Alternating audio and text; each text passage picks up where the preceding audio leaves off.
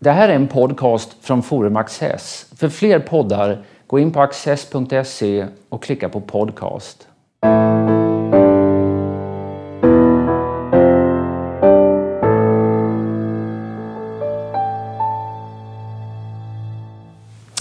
Hjärtligt välkomna till Studio Access eh, där vi idag ska tala om Europas mäktigaste politiker, nämligen Tysklands förbundskansler Angela Merkel. Och vi gör det med utgångspunkt i en ny bok som heter just Angela Merkel och eh, som har skrivits av eh, Stefan Cornelius, journalist vid Süddeutsche Zeitung. Very welcome, Mr. Cornelius. Thank you very much for having me. Very good having you here. Uh, I think it's fair to say that Angela Merkel's chancellorship has been defined by the crisis she has had to handle. But, and we'll get back to those certainly. But if there were no crisis, what would her agenda look like?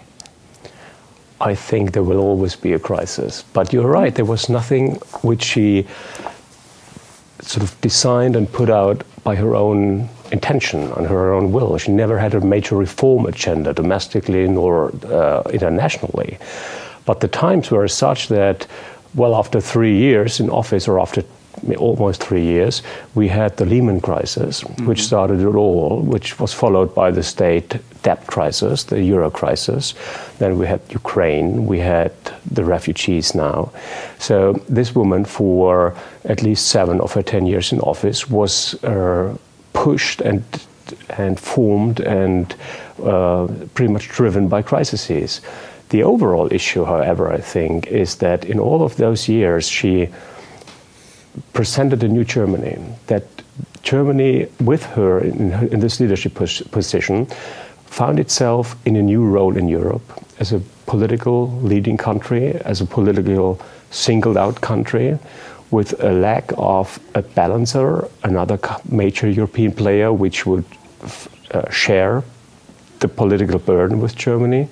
So bringing this country in this strong and unique position was um, was something the country never intended to, and people never really wanted to have. It was not her desire. But having it done in such a calm and not a pushy way, and certainly not a way where the old hegemonial problem comes back again, is probably her biggest achievement. Mm. So she is she's regarded as a safe pair of hands. Definitely, oh. she's she's sort of the custodian of the country. She's not a ideological politician who drives from or who lives from those um, sort of sort of uh, harsh sentences or goes from to political extremes. She's a problem solver mm-hmm. and presents herself as sort of the guardian of well-being. Mm-hmm. But when she was elected chancellor in 2005, I mean. Um, was that due to a program she offered to the electorate or because she looked like a better alternative than her opponent? No, I think she won because the other one lost. Oh. Gerhard Schröder, her predecessor, was weak. He had pushed through it with the Agenda 2010, which was the major domestic reform package. It was the social and uh, engineering reform agenda which modernized Germany and turned the economy on its feet again. And she picked up from the rubbles he left politically because he he did that reform um, against the wishes of his own party, the Social Democrats, and was weakened by his own party, and in the end driven out by his own party. A process of self-destruction which she picked up to her benefit and simply won the elections, however, with a very small margin. And she has, she has benefited from those reforms, haven't she? Definitely. If you look at her track record, she probably didn't have to do any major domestic reform in terms of um, on, on, sort of in the social sector or on the labor sector. Um, anything was pre-arranged, and those things she demands from Italy, from Spain, from Portugal, from Greece, from all the crisis countries, are the ones she never would have to do because they were done already. No, that's an interesting point. She was born in, in East Germany in 1954. But she was born actually in Hamburg, but moved oh, to East right. Germany yeah, very she, fast. Oh, correct. But you're she, right, she denies this no, origin. She, she, grew up. She grew up in East Germany, right? And she grew up in a parson's home. Um, what, um, in her own personal background, what aspects of her early history would be of importance uh, for understanding her today? I think the parish, the, the, pastor's household, is probably the defining uh, factor. Um, being a pastor in East Germany uh, was a difficult task since you were watched by the state, by the state police, by the secret police. You were always regarded as being the one who uh, steers trouble and breeds opposition. Um, on the other side, her father not only was a pastor, but he ran sort of a pastoral college, educating young priests. And in that regard, he was extremely high in the church hierarchy in East Germany. And the East German Protestant Church played a very significant role. It wanted to keep its, its independence and it wanted to keep its distance from the West German Protestant church. So at one point, the leading figures of this church had to compromise with the state. So her father walked a very tight line between the state and its sort of pastoral freedoms. And one of the first lessons she had to learn was that you really never can show your inner true to the outside. You better shut up. You never go to school and talk what has been talked about at home. So, what is at home stays at home. And if you go out, you carefully watch your words. And this is probably a trait which she has never uh, given up to this very day. So she learned the virtue of silence at home. She can be quiet. She can be. She can shut up much longer than we all can, and this is quite a powerful uh, tool. And you mention in the book that if it's one thing she cannot stand, it's people who cannot shut up. well, she she she hates gossiping, and she hates uh, people who talk without knowing what they talk about. So she's extremely factual, and uh, yeah, she needs people around herself. And this is again sort of a mirror of this pastoral household. Uh, she has an inner circle of advisors, of people who work with her, who are like family, who are like sort of the inner circle of the pastoral household. Mm. They never go out, and they are totally to be trusted. They are secretive. They are um, open to her and quiet to the outside world. Mm. So, being growing up in this in this uh, clerical home made her an outsider in a sense. Uh, to what extent is the Christian side of it uh, of importance? I think the Christian bringing, upbringing was decisive for her value system, for what she deemed to be right and wrong. Um, apart from that, she's not too Christian she knows her Bible, and she uh, she's a she's a she's a Christian who believes in God, but she's not sort of a practicing Christian.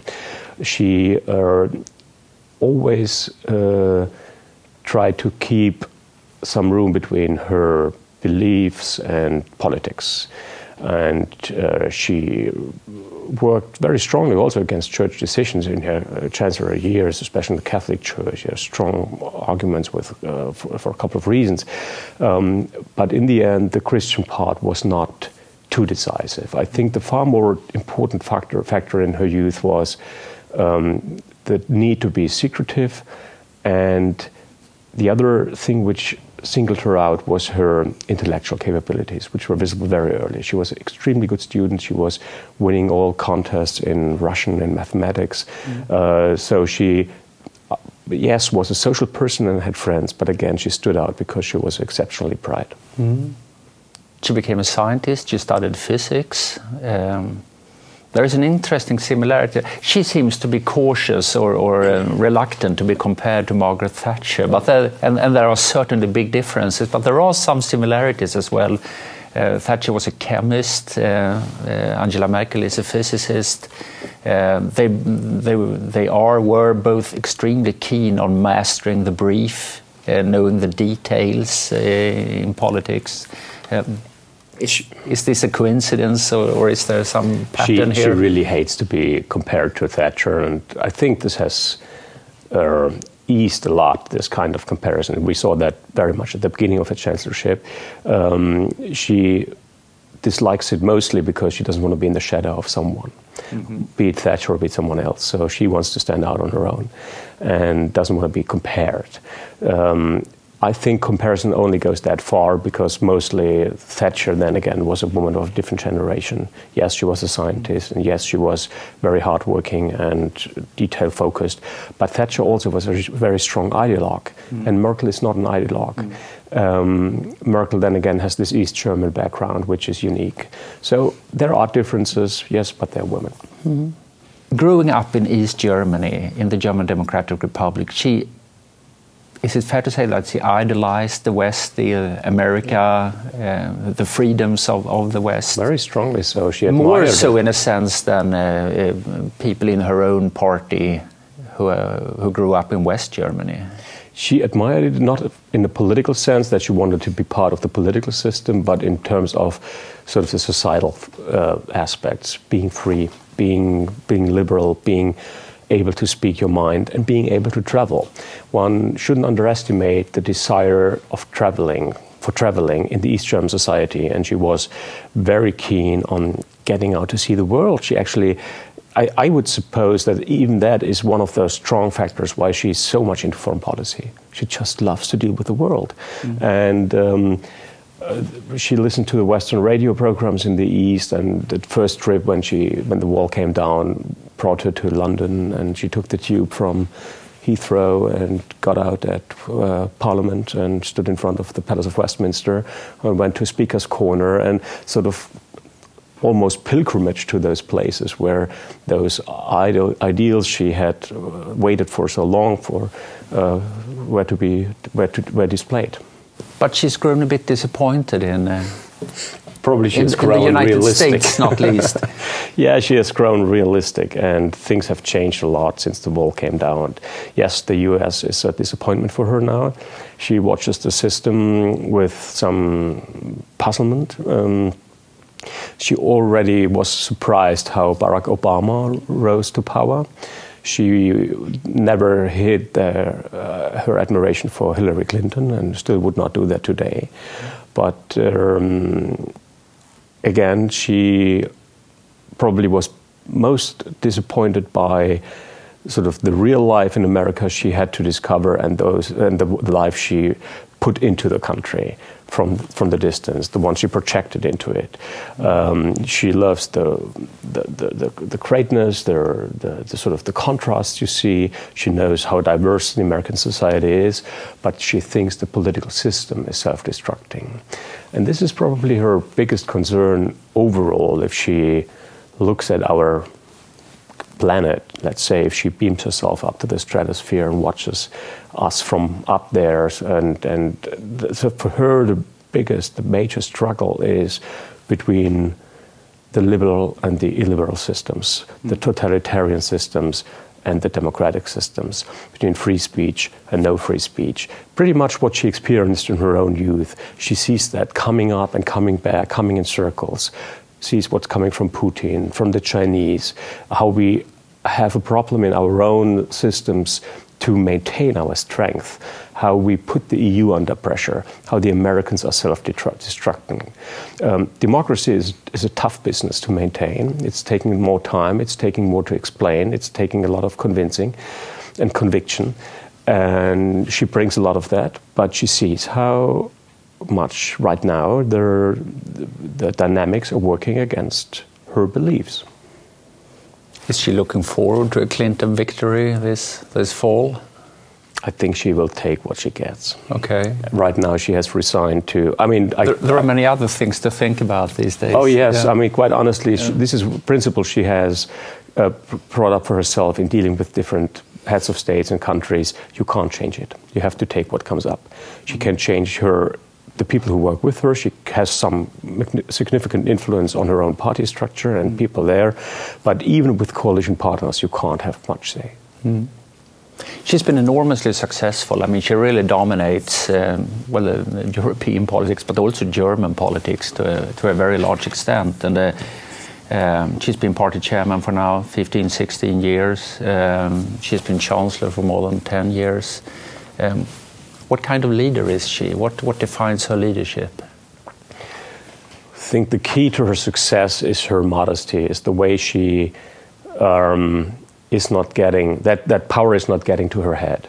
Um, I've rarely seen a leader who is not affected by the whole uh, pomp around him or her.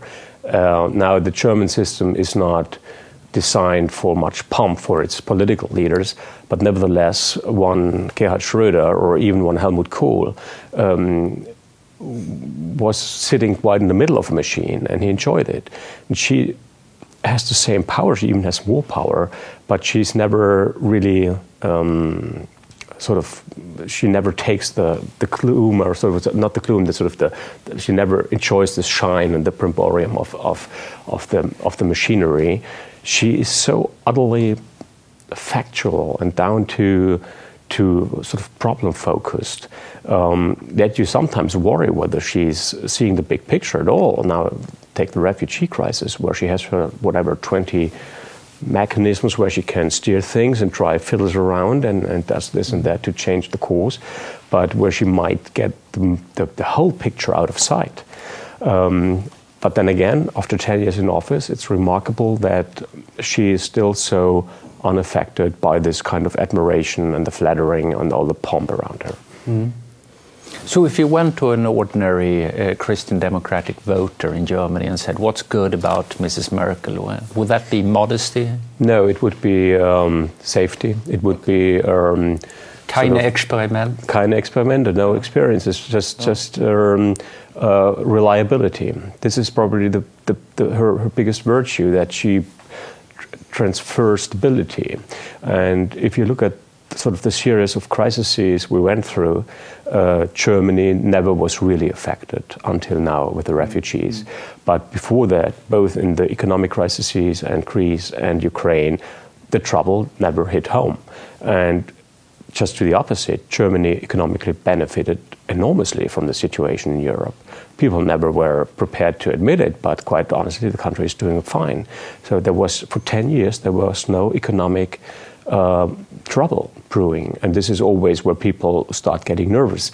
Now, the refugee crisis is different because this is the first crisis where um, you can see and feel and see at your doorstep uh, how things are changing and people are personally affected because they see those people coming. They see that their sport halls at home, where their kids usually have their school sports, are closed and are filled with bed and with mm. uh, shelters, and um, they want that to stop somehow. And now they blame her for getting these things out of control, uh, but no one has pretty much a recipe on how to.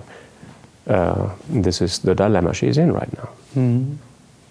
And that and the decisions she's made or, or not made and, and the way she has handled this has been somewhat out of character, haven't they? In the sense that if you say that she's good at, she's patient, she's cautious, she waits till she has full, full knowledge about an issue before she acts. And the, this time it's, um, it's not quite I like think, that, is it? I think yeah? this crisis is unusual for several, for several aspects. First, well, we all saw it coming, and she knew that was coming. And just a year ago, if you watch her Christmas or New Year's uh, speech on TV, she mentioned that this would be a major problem. Mm-hmm. But we in the public and the media, and I do blame us ourselves, were not aware of it, and we looked at Greece for half a year, and were solely focused by the, the Tsipras and Varoufakis, mm-hmm. and all of a sudden in mid-August, those people were at our doorsteps. Mm-hmm. They were there before. Already in March and May, we had topped the numbers of the previous years. Um, she probably underestimated their impact, the way that really the speed, the force, how this impacted the country in August, September.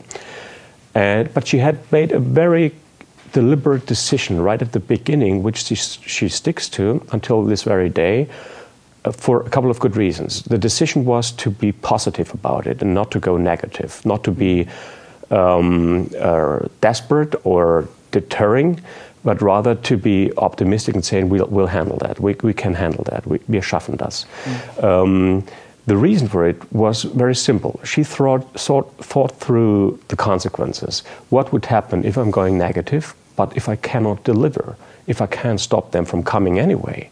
Then the crowd and the, the, the, the, anger, the public anger, will turn against me even more ferociously.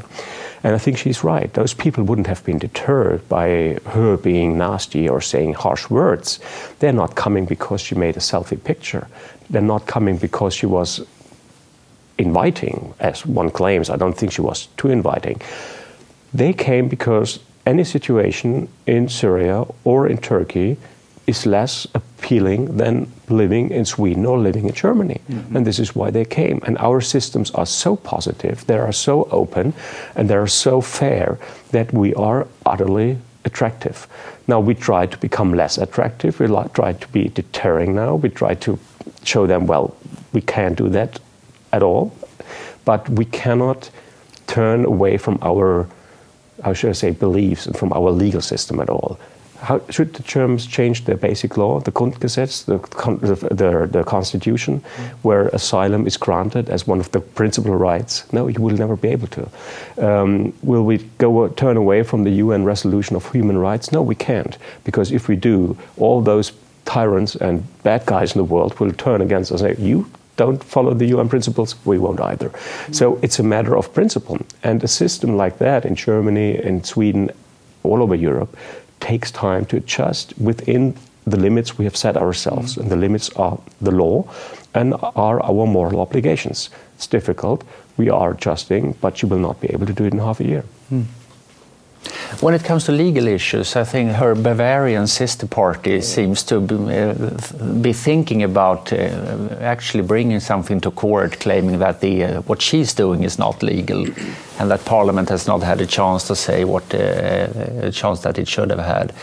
I don't know how that will end up, but it's for sure that there are um, divisions uh, coming up within her own organization, but also, let's put it to the right, to the right in, in, in German politics, uh, things that haven't been around before. Uh, you have a new party now, uh, uh, with Alternative für Deutschland, which has it gets around 10, 15 percent oh, yeah. in the in the yeah. polls these yeah. days, right. and and the the support for the Christian Democrats have eroded fast since since last. This is the domestic aspect of this refugee crisis, which all our countries experience. Uh, all our social fabrics are tense and are torn to some extent. Um, you have extremism rising all over Europe and populism, uh, and this is, this is, fueled by the refugees, definitely. And we have to take that into consideration because, uh, in the end, we can be as good as we want to if our social, if our societies are disrupted or are really torn apart. Mm-hmm. There's nothing to win for us at all. Now, she has to face domestic challenges from her sister party, which are nasty and which are personally and which have nothing to do with the refugees anymore. I'm not sure what the CSU in Bavaria is up to in the end, but it's self destructive.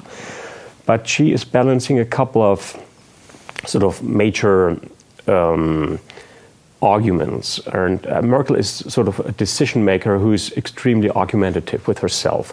So her overall goal now is we have to stop the numbers, we have to get a uh, an organized or sort of a, um, uh, a, a prince, uh, we have to get a, a, system in place where we can tell our people we got it under control. Mm. So keep keep the society uh, not or give, give, the society the impression that the state is under control of what's happening. Mm-hmm. Not only the impression, but actually do it. Now, um, this is one goal. Uh, the other one is what what's sort of almost the same priority for her is to keep our European system uh, alive. And the European system is the Schengen system. It's the system of free travel mm-hmm. and the free movement of goods and services in Europe which again fuels into our economy, which again is imperative for probably keeping the common currency alive, which so many countries do have. So, in the end, it boils down that our European, the idea of the European Union as we have it, and as Germany thinks it's essential for its own um, uh, sort of uh, sort of uh, position in in, in, a, in, a, in a group of countries, that this system of the EU will maintain alive, will will stay alive, mm-hmm. and she wants to. Uh, she works sort of on both ends. I mean, she's keen on finding a, a European solution, right. a European model of handling uh, uh, this new challenge, which may be rather difficult for her. Um, what has happened to her? And, and, she, and, and she encounters a lot of resistance within the European Union when trying to uh, construct such, such mm. an agreement. I mean, what has happened? And she has experienced this not only when it comes to the refugee crisis, but also when, it, when it's come to the economic and financial crisis. What has that done to her idea about Europe and, and European Union? I think she's hugely disappointed by most European leaders how little they shared her concern for the coherence of the EU and how strongly some of them are prepared to shed the principles of Schengen, for example, and and simply go back to sort of the European Stonehenges. Um, she tried at the beginning, and this is why there is so such a mixed picture about her politics. She tried at the beginning to bring as many EU countries into that scheme. She was envisioning. Um, she had the Commission on her side. But the more time progressed, the less likely it was that she could get more backing from, let's say, France or Britain. And uh, so she, in the end, resigned to the fact that she has to personally negotiate a deal with Turkey, which is the key to getting control over this and that she personally, or as a country, Germany, with Sweden and with a few others, Austria, the Benelux countries, will be the ones who keep up their, their, their the sort of the openness of Europe, even within limits. So, if we agree to a certain amount of refugees, which Europe can take in. Um, on, uh, if you if you sort of draw a conclusion, it's a huge disappointment that Europe was not able to see this as a sort of humanitarian mega crisis, but rather as a threat to little domestic politics. I fully understand that all countries are have to make this um, choice whether they can burden their societies with more refugees or how, how, how much they can sustain and when it's when enough is enough. Mm. But I guess most of the European societies haven't even tried to go there. Mm. Sweden is an exception, and Germany, after one million refugees last year, certainly is want to. Sweden is always also uh, changing fast it when it comes and to these issues. Unfortunately, time has become very spare, uh, scarce now. So, uh, if we have a minute left or so, and there are federal elections in Germany next year. Nobody knows yet whether she will run uh, for the chancellorship or not. And if she doesn't, or if she does and leaves after a couple of years, what will her political inheritance be? She has a broad legacy to show off with. She um, um, kept the country stable for 10 years. She kept it prosperous. And she um, fended off the Crimean War or the Ukrainian War from splitting Europe. She hopefully manages the, the refugee crisis. And most of all, she kept the euro alive. As for now, we or she has fended off uh, the euro crisis. It's not over yet, and the economic problems aren't gone. This will be an ongoing problem. But my my verdict is. Um, so there's a lot to criticize, and especially in the public handling of the refugee crisis, she's doing not such a good job. But overall, she has a very clear perspective on what she wants with Europe and with Germany.